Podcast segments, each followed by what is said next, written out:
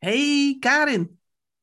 Hey Mariska, goed je weer te spreken, want uh, ja, we hebben natuurlijk nog wel wat af te werken in onze Lenkioni-serie. Ja, want uh, Let's Talk Business, hè? Dat, ja, uh, zo is het. En we zijn toe aan frustratie nummer vijf. En die heet? te weinig aandacht voor de resultaten. Exact, want dat, on top of al die andere frustraties, moeten we dit nog behandelen. Ja, en het is, uh, dit is iets wat we veel zien in organisaties. Hè? We stellen aan het begin van het jaar uh, stellen we allemaal doelen. En uh, ja, dan gaan we over tot de orde van de dag. Ja. Platter dan dat kan ik hem eigenlijk niet slaan. Nee, zo is het. Maar misschien is het goed om toch nog even te resumeren. Hè? Want op het moment dat je bezig bent, dan laten we dan maar... Hè? Want Lencioni die formuleert het vanuit een negatieve connotatie. Vijf frustraties van teamwork, wat ook uh, de nodige hilariteit met zich meebrengt. Maar als je het positief connoteert en je wilt bouwen aan een succesvol team, dan is het belangrijk dat je begint met het, met het, het, het, het, het hebben van vertrouwen binnen het team en met het bouwen aan dat vertrouwen tussen de teamleden. En dat is Ja. het allereerste. Dat is de eerste laag. En als die vertrouwen er dan is, dan moet je zorgen dat de teamleden geen angst hebben om conflicten aan te gaan binnen elkaar. En die veilige omgeving zou ervoor moeten kunnen zorgen dat, men, dat iedereen uh, vrij is om zich uit te spreken. En de leider heeft een hele belangrijke rol in dat uh, proces. Door, uh, door daar ook concreet naar te vragen en ook te stimuleren. En conflicten niet als iets persoonlijks te zien, hè, maar iets wat gaat over de inhoud. Ja, ik, uh, ik uh, zou bijna toe willen toevoegen. Het gaat om professionele conflicten. Exact. Het ja. gaat erom, uh, jij kijkt vanuit jouw verantwoordelijkheid en jouw rol in de organisatie op de ene manier naar een, bijvoorbeeld een beslissing die genomen ja. moet worden. Ja. En ik kijk vanuit mijn professie en mijn rol en verantwoordelijkheid naar op een andere manier naar diezelfde beslissing. Exact. En die verschillende, die verschillende kijkwijzen en de argumenten en dus ook de risico's die met zo'n ja. beslissing samenhangen, die moeten boven tafel komen. Exact. En dat en betekent dus dat er een afweging wordt gemaakt op al die aspecten. En als het goed is, er dan tot besluitvorming uh, wordt gekomen waarin iedereen zich in meer of mindere mate kan, uh, kan vinden. In ieder geval hè, wel aan moet conformeren, want anders heb je niks aan een besluit. Ja, ik denk dat het minder belangrijk is dat iedereen zich erin kan vinden, want dan uh, dreigen we richting het Nederlandse poldermodel. He, iedereen moet zijn plasje en zijn pootje zetten. Ja. Maar het gaat erom dat je met alles overwegende de beste beslissing neemt voor de organisatie. Exact, dat was mijn bedoeling om te zeggen. Goed dat je dat nog even, uh, even aanhaalt. Het gaat er dus niet om he, tot consensus te komen, maar het gaat erom dat je de juiste beslissing neemt en iedereen zich erin kan vinden. Iedereen is eigenlijk dan gehoord. Dat is wat ja, ik precies, probeerde te zeggen. Precies. Ja. ja. En het feit dat iedereen gehoord wordt en, uh, en het feit dat uh, er een besluit komt hè, waar je als team mee aan de gang gaat, creëert dan ook betrokkenheid. Want dat is eigenlijk de derde frustratie, het gebrek daaraan, hè, het gebrek ja. aan betrokkenheid. En uh, ja, dat, dat, dat kan ontstaan doordat er onvoldoende duidelijkheid is en ook onvoldoende steun wordt ervaren binnen het team. Ja, en dan, en dan krijg je ook dat mensen bijvoorbeeld ja zeggen op een uh, teamvergadering waar een besluit wordt genomen. Ja. En in de praktijk nee gaan doen. Ja, exact. Ja, nou, we hebben ook wat tips gegeven hè, hoe je dat ja. uh, zou kunnen, kunnen uh, creëren. En, en wat hulpmiddelen daarbij zouden kunnen zijn. Dat gaan we niet herhalen, want dan moeten jullie de andere vlogs maar eens even teruglezen. maar vervolgens zijn we wel vanuit die betrokkenheid uh, gegaan naar uh, frustratie nummer vier. En dat is het ontlopen van uh, verantwoordelijkheid. En dus de positieve connotatie, het dragen van een verantwoordelijkheid door het team. Ja. ieder op de juiste plaats. Wat maakt dat als, als teamleden verantwoordelijk zijn en zich ook als zodanig gedragen. dat, dat teamleden elkaar aansporen als een één teamlid dus even wat slechter presteert of bijvoorbeeld door omstandigheden wat minder kan. Uh, dat er potentiële problemen gauw gesignaleerd worden. En uh, ja, dat, dat, uh, dat er buitensporige bureaucratie ook vermeden wordt. De rol van de leider is ook in dit verband heel erg belangrijk. ja, in de, de, de, het aanmoedigen van het team als verantwoordelijk voor het geheel is, is, is belangrijk. Dat je daar als leider op stuurt en ook stimuleert en dat continu bespreekbaar uh, maakt. Ja, het gaat bij deze frustratie, als je Lenkioni leest, ook over het, uh, um, het aansporen van je collega's, maar ook je Ja. aans- het aanspreken van je collega's Ja. op het moment dat ze hun verantwoordelijkheid niet pakken. Nee. En dat is best een lastig onderwerp, hè? want aanspreken kunnen wij doorgaans heel goed. Hè? Wij weten heel vaak eh, wat de ander eh, fout doet, niet doet of beter zou kunnen doen. Maar aangesproken worden, dat is nog wel een kunst. Dus het, zit, het is ook die wisselwerking daarin. Hè? Het kunnen aanspreken op een goede manier, zonder dat daar verwijten in zitten, zonder dat het op de persoon eh, gericht is. Maar ook het aangesproken worden en dat op een goede manier ontvangen. Als een, eh, als een manier waarop je in staat wordt gesteld om jezelf te verbeteren. Nou, En en, dat dat is- en dat brengt ons bij de laatste. Hè? Ja, ik wil net zeggen, dat is Ja. meteen een heel mooi bruggetje naar die eh, vijfde en laatste frustratie die eh Lenkioni beschrijft. ja, En dat is eh, dat er te weinig aandacht is voor de resultaten van het team. ja, Want het Precies. gaat er niet om dat er te weinig aandacht is voor de resultaten in het algemeen. Maar het gaat over de resultaten die het team als team moet neerzetten. Zullen we het eerst eens hebben, Mariska, wat er gebeurt in een team als er als team te weinig oog is voor het behalen van resultaten? Wat, wat gebeurt er dan? Nou ja, dat, heel makkelijk. Als het, als het in een team te weinig oog is voor de teamresultaten, dan zul je merken dat die teamresultaten heel snel naar de achtergrond schuiven. Ja. En dat betekent dat mensen aandacht krijgen voor hun eigen individuele resultaten, Ja, hun eigen individuele doelen die ze Ja. hebben, targets, ja, waar misschien ook wat bonussen of, of salariscomponenten aan verbonden zijn. ja, Ehm, ehm, eh, dat mensen eh, hun ego centraal gaan stellen. Hè, Ik, ik doe het beter dan jij. ja, Eh, en ik doe meer dan jij. En ik wil dus ook meer gezien worden. Ik wil meer macht in besluitvorming hebben. En wat ik zie in organisaties waar geen focus ligt op teamresultaten, is dat er heel snel de organisatie en het team heel snel worden overgenomen door allerlei soorten van dagelijks gedoe wat voorbij komt. exact. Ja. Ik noem hem eventjes de waan van de dag. Regeert heel vaak in teams waar men niet de teamresultaten centraal stelt. En dus ook niet de keuzes die gemaakt zijn. Nee, klopt. En dat betekent dus dat zo'n team zich ook niet echt ontwikkelt. Hè, de teamontwikkeling die stagneert. En dat kan ook weer gevaarlijk zijn in de relatie tot, eh, tot concurrenten. Omdat zo'n team er zelden in slaagt om concurrentie achter zich te laten. En want- het, ge- en het gekke is, hè, want je stipt dat nu aan, die concurrentie. Wat, wat, wat er, er zit een soort van paradox in het, in het systeem. Ja. Ehm, aan de ene kant een team wat eh, de teamresultaten niet centraal stelt, eh, gaat, wordt vaak zeg maar, eh, gestuurd door de waan van de dag. Ja, Nou, als je een organisatie hebt waar jouw team bezig is met klanten, dan betekent dat vaak dat de, de, de, de vragen, de opmerkingen, de, de, de behoeften, de eisen, de klachten van klanten, dat die het allerbelangrijkste worden. Nou, Ja. dan we van, nou, dat is hartstikke mooi, dan zijn we klantgericht. ja, Maar dat zijn we als organisatie niet. We zijn niet klantgericht, we zijn klantgezwicht. ja, klopt. Want het is de klant die dan bepaalt welke afslagen de organisatie maakt en welke activiteiten de hoogste prioriteit krijgen binnen de organisatie. Ja. Nou, en wat je ziet op het moment dat een organisatie klantgezwicht raakt, en dan kom ik even van waar, want je zou zeggen, hè, van als een organisatie klantgezwicht is, dan is, dan, dan is die eigenlijk, eh, altijd heeft, heeft zo'n organisatie altijd een voorsprong op de concurrentie. Ja. Nou, en dat blijkt in de praktijk niet zo te zijn. En dat kan ik uitleggen.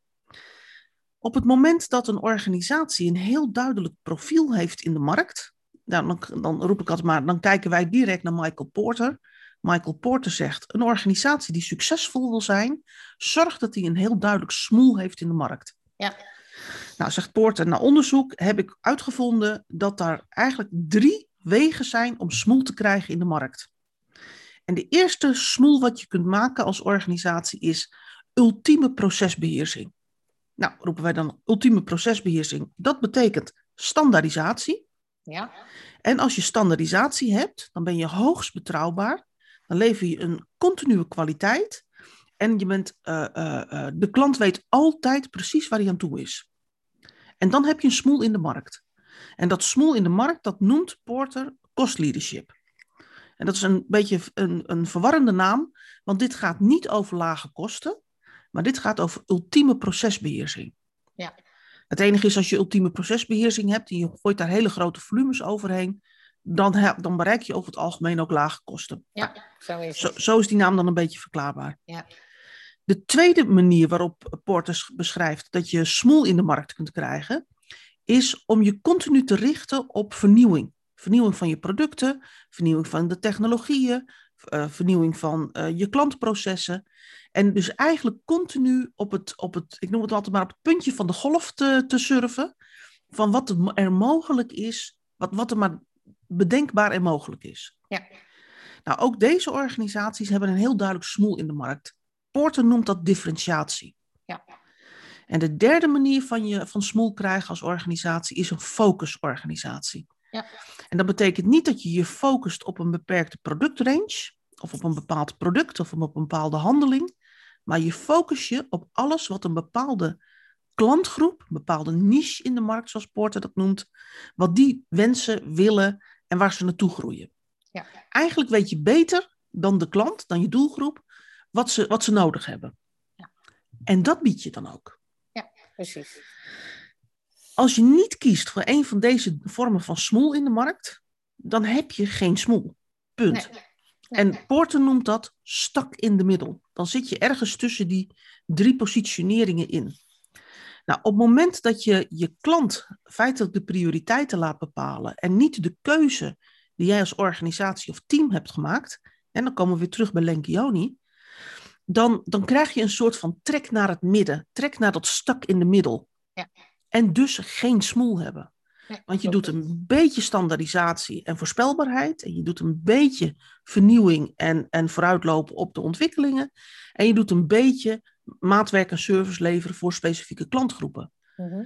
Maar je doet het nooit zo goed als een organisatie die een echte keuze heeft gemaakt en daar ook echt voor gaat. Ja. Maar sterker nog, Mariska, of, of, of zelfs als er wel een echte keuze is gemaakt hè, en de organisatie dat heeft ingericht en, één, eh, en vertaald heeft naar bijvoorbeeld afdelingsdoelstellingen. En die afdeling of dat team, hè, die, die weet de doelstellingen niet te realiseren, dan is dat wel onderdeel van een strategisch, eh, eh, een strategisch proces wat op dat kleine onderdeeltje mislukt. En wat maakt dat ondanks je sterke profilering je niet je onderscheidend vermogen ten opzichte van de concurrenten weet, eh, weet te houden of te Ja. maken.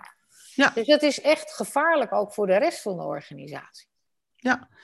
En ik vond het toch wel mooi om dat even toe te lichten, omdat Lenkioni dat een beetje in het midden laat, hoe dat nou in elkaar zit en waar dat Nee. dan door komt. Hè? Ja, ja Lenkioni zit natuurlijk heel erg eh, in de niche van eh, hoe functioneren teams nu Eh, en wat is de rol van de leider.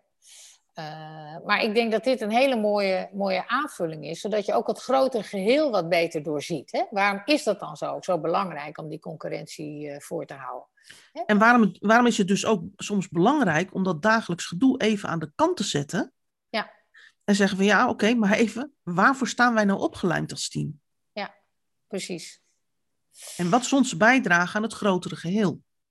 En weet je wat het ook is? Organisaties raken, als de focus niet is op resultaten en ook het behalen van resultaten, dan raakt de organisatie uiteindelijk ook die prestatiegerichte medewerkers die iedere organisatie nodig heeft, raakt die kwijt.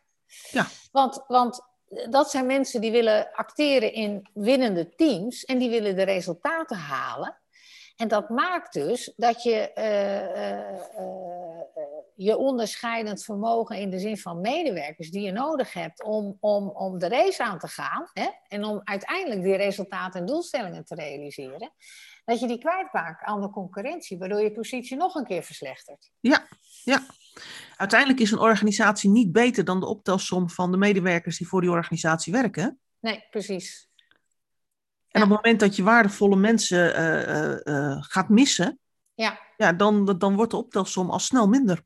Ja, klopt. Overigens is het wel zo hè, dat dat geen oproep is voor individualistisch gedrag, want dat past niet in een teamprestatie. Nee, het juist wel, niet. Het moeten wel, wel spelers zijn die weliswaar prestatiegericht zijn, maar dat wel doen vanuit de context van een team. Dus de eerste aanzet geven, mensen meekrijgen. Dat type medewerker. Het moet geen individuele scorers zijn, want dat doet juist afbreuk aan de teamprestatie.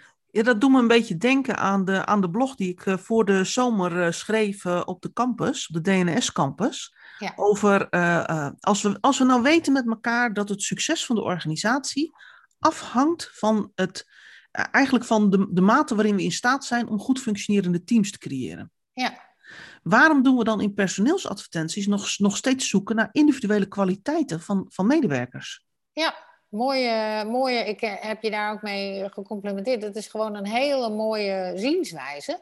Want dat is ook zo. Hè? In, elke, in elke personeelsadvertentie zie je met name de focus op het individu. Terwijl dat eigenlijk uh, zeg maar de ondergraving is voor datgene wat we hier vertellen. Want immers. Nou, het is niet zozeer een ondergraving als wel een hele eenzijdige benadering. En iemand die, die volgens zeg maar, individuele eisen, hè, opleidingseisen, ervaringseisen en dat soort zaken, uh, perfect in het plaatje van een, van een advertentie past, kan wel eens een, een, een, een, de doodsteek geven. Nou ja, dat is heel zwart-wit gezegd. Ja, en daarom zeg ik ondergraving. Ja, maar, maar het hoeft niet, hè? Nee, het hoeft niet. Maar op het moment dat je het zo individueel uh, voorstelt, trek je ook makkelijker medewerkers aan die het heel erg belangrijk vinden om zich te richten op individuele status. Ja, precies. Die individuele status belangrijk vinden, die score belangrijk vinden. En dat is wat anders dan prestatiegerichte medewerkers die de prestatie willen leveren met een team. He, die het teambelang belangrijker vinden dan hun individuele belang. Ja. Want daarmee bouw je succesvolle teams. En die, die medewerkers die voor individuele status gaan, of soms ook zelfs teamstatus, die heb je ook. Hè? Maar teamstatus in de zin van, sommige medewerkers vinden het belangrijk om onderdeel te maken van een bepaald team of een bepaalde organisatie. En alleen dat al is voldoende, zodat ze naar de buitenwacht kunnen zeggen: Ik werk bij, nou, noem eens wat. Bij DNS Business School. Bijvoorbeeld. Nou, is dat wel een heel uh, verkeerd voorbeeld? Want, want, dat, want dan, uh, krijg dan je heb je ook status. Ik dacht al dat je dat ging zeggen. Nee, maar het bereiken van uh, specifieke resultaten is dan ondergeschikt. En dat zou het niet zo moeten zijn. Je, je, zou, hè, ik, ik zeg wel eens uh, tegen uh, ja, medewerkers die een nieuwe werkomgeving zoeken, die zitten ook nog steeds in, in, heel vaak in gesprekken als ik ze coach, om duidelijk te maken dat ze zeer geschikt zijn voor die functie. Terwijl ik, zeker als je een bepaalde leeftijd uh, hebt bereikt, denk van ja, dat kan toch naar wat meer senior niveau. Ga nou eens kijken of, die, of dat een omgeving is waarin jij past en waarin je gelukkig wordt. Ja. En, en of die omgeving gaat bijdragen aan jouw specifieke ontwikkeling. Ja. Want dan kijk je veel meer vanuit het collectief en kijk je veel meer van ja, is het nou passend in plaats van kan ik dit werk? Hè? Dus op de inhoud. Ja, vaak zeggen we natuurlijk in, in organisaties op het moment dat je, dat je, dat je wil, niet alleen wil kijken naar wat brengt iemand als individu mee, maar ook past iemand binnen de organisatie, dan zeggen we van dan moet je kijken naar cultuur. Ja. Hè, past iemand binnen de cultuur die wij als organisatie hebben? Ja. En, en ik, ik, ik, ik, geef toe, hè, dat is belangrijk. Ja. Hoewel het ook een reden kan zijn om iemand aan te nemen als die nou juist niet past bij de huidige cultuur. Maar bijvoorbeeld een voorbeeld is en ervaring heeft en werkt op een manier die je ziet als een gewenste cultuur voor de organisatie. Ja. Maar dan moet iemand ook geëquipeerd worden om dat, om dat element van die, van die cultuur die, moet, die nog moet komen, om dat dus ook in te brengen en daar uh, steun voor krijgt om op een andere manier met elkaar zeg maar, te samen, samen te werken. Ja, precies. In, in, in, uh, in alle modellen en, en, uh, en aanpakken die ik in de loop van de jaren heb, uh, heb ontwikkeld, uh, zit ook een, een, een, een, stukje theorie als het gaat over mensen en hoe mensen bij, binnen organisaties passen. En ik denk misschien ook wel leuk om dat even te delen. Dat gaat over de perfect fit of over ja. perfect placement. En dat zegt eigenlijk dat op het moment dat je als, zowel als organisatie of als manager en professional kijkt naar een functie binnen een organisatie, dat je eigenlijk moet kijken naar een match op drie niveaus. Het eerste niveau is het niveau van: heb ik de kennis, de kunde, de competenties ja. om deze functie inhoudelijk te kunnen doen? Ja. Nou, dat is een oordeel aan mijn kant als sollicitant en dat is een oordeel aan de organisatiekant. Ja. Van, joh, zien wij dat nou, zien wij daar een match in? Is dit de persoon die wij op de inhoudslaag zoeken? Ja. De tweede laag waar je op moet matchen is, waar staat deze organisatie voor? En wat wil deze organisatie toevoegen voor de, voor de wereld? Ja. En past dat bij hoe ik kijk naar de wereld? En Ja. wat ik kan toevoegen? Ja, gaat dus over missie en visie, gaat over identiteit van de organisatie en de match van de identiteit die daar graag wil werken. Ja, ik noem altijd als voorbeeld, hè, als ik nou als eh, persoon het heel belangrijk vind dat we met elkaar eh, eh, goed zorg dragen voor het klimaat en dat we onze eh, eh, carbon footprint, zeg maar, zo laag mogelijk maken, dan moet ik misschien niet willen werken bij de, Shell, bij de KLM. Ja. Ik had misschien een jaar geleden ook nog niet moeten willen werken bij Shell. Ja. Maar misschien is Shell nu juist wel een hele leuke werkgever. Ja. Omdat Shell ook de strategische koers aan het verzetten is. Precies. Nou, en dan op de, op, de, op de derde vlak waar je afstemming over moet creëren, is eh, eigenlijk het contract wat wij samen aangaan.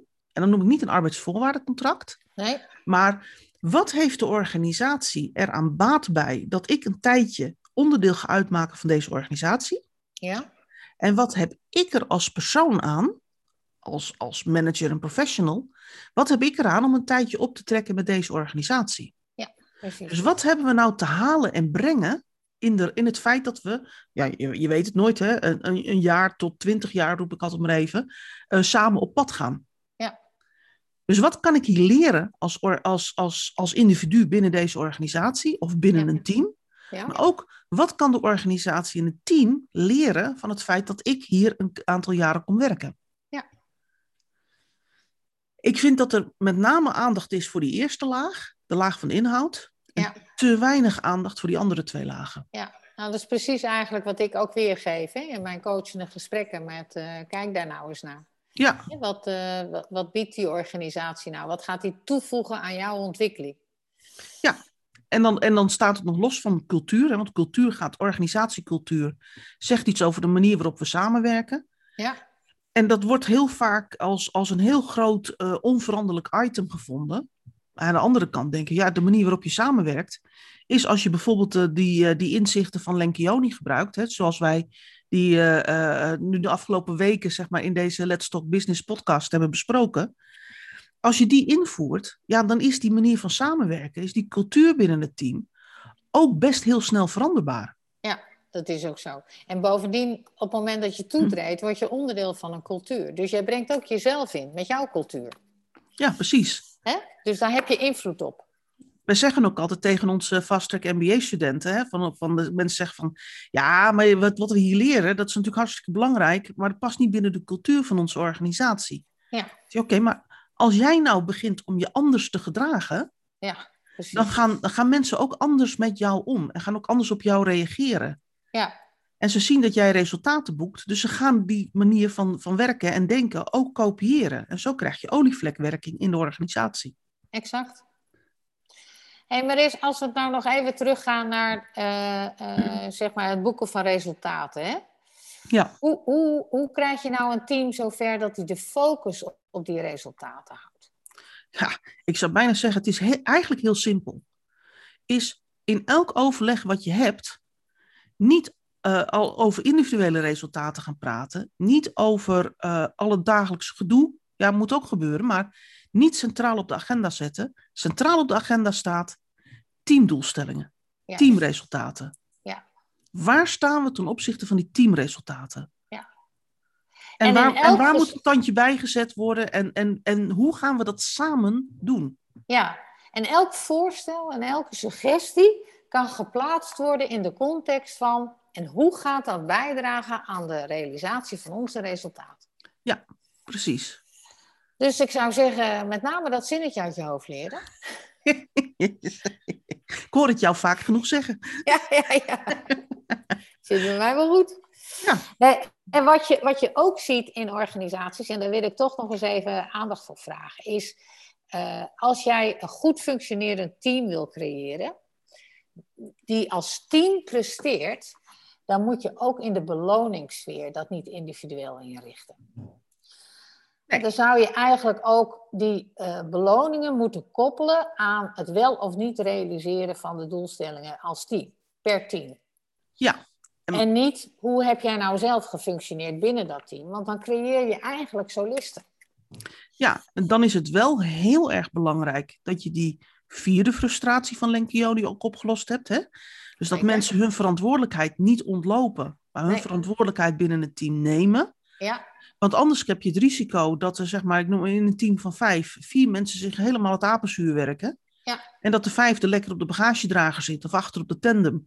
Ja. Eh, met zijn beentjes omhoog en de, en de, en de handen achter het, uh, achter het hoofd. Ja. En, en zich lekker rond laat fietsen. Ja. Terwijl uh, die andere vier zich het schompers werken. En wel de beloning daarvoor krijgt. Ja, maar goed, bij een goed functionerend team en een goed functionerende leider van dat team, hè, zou dat eerder op moeten vallen en zouden daar eerder gesprekken over moeten zijn. Ja, maar daarom zeg ik ook, hè, ja. dan is het wel heel erg belangrijk dat de frustratie ook goed ja. gecoverd is. Ja, want doe je dat niet, dan lopen de waardevolle teamleden weer weg, hè?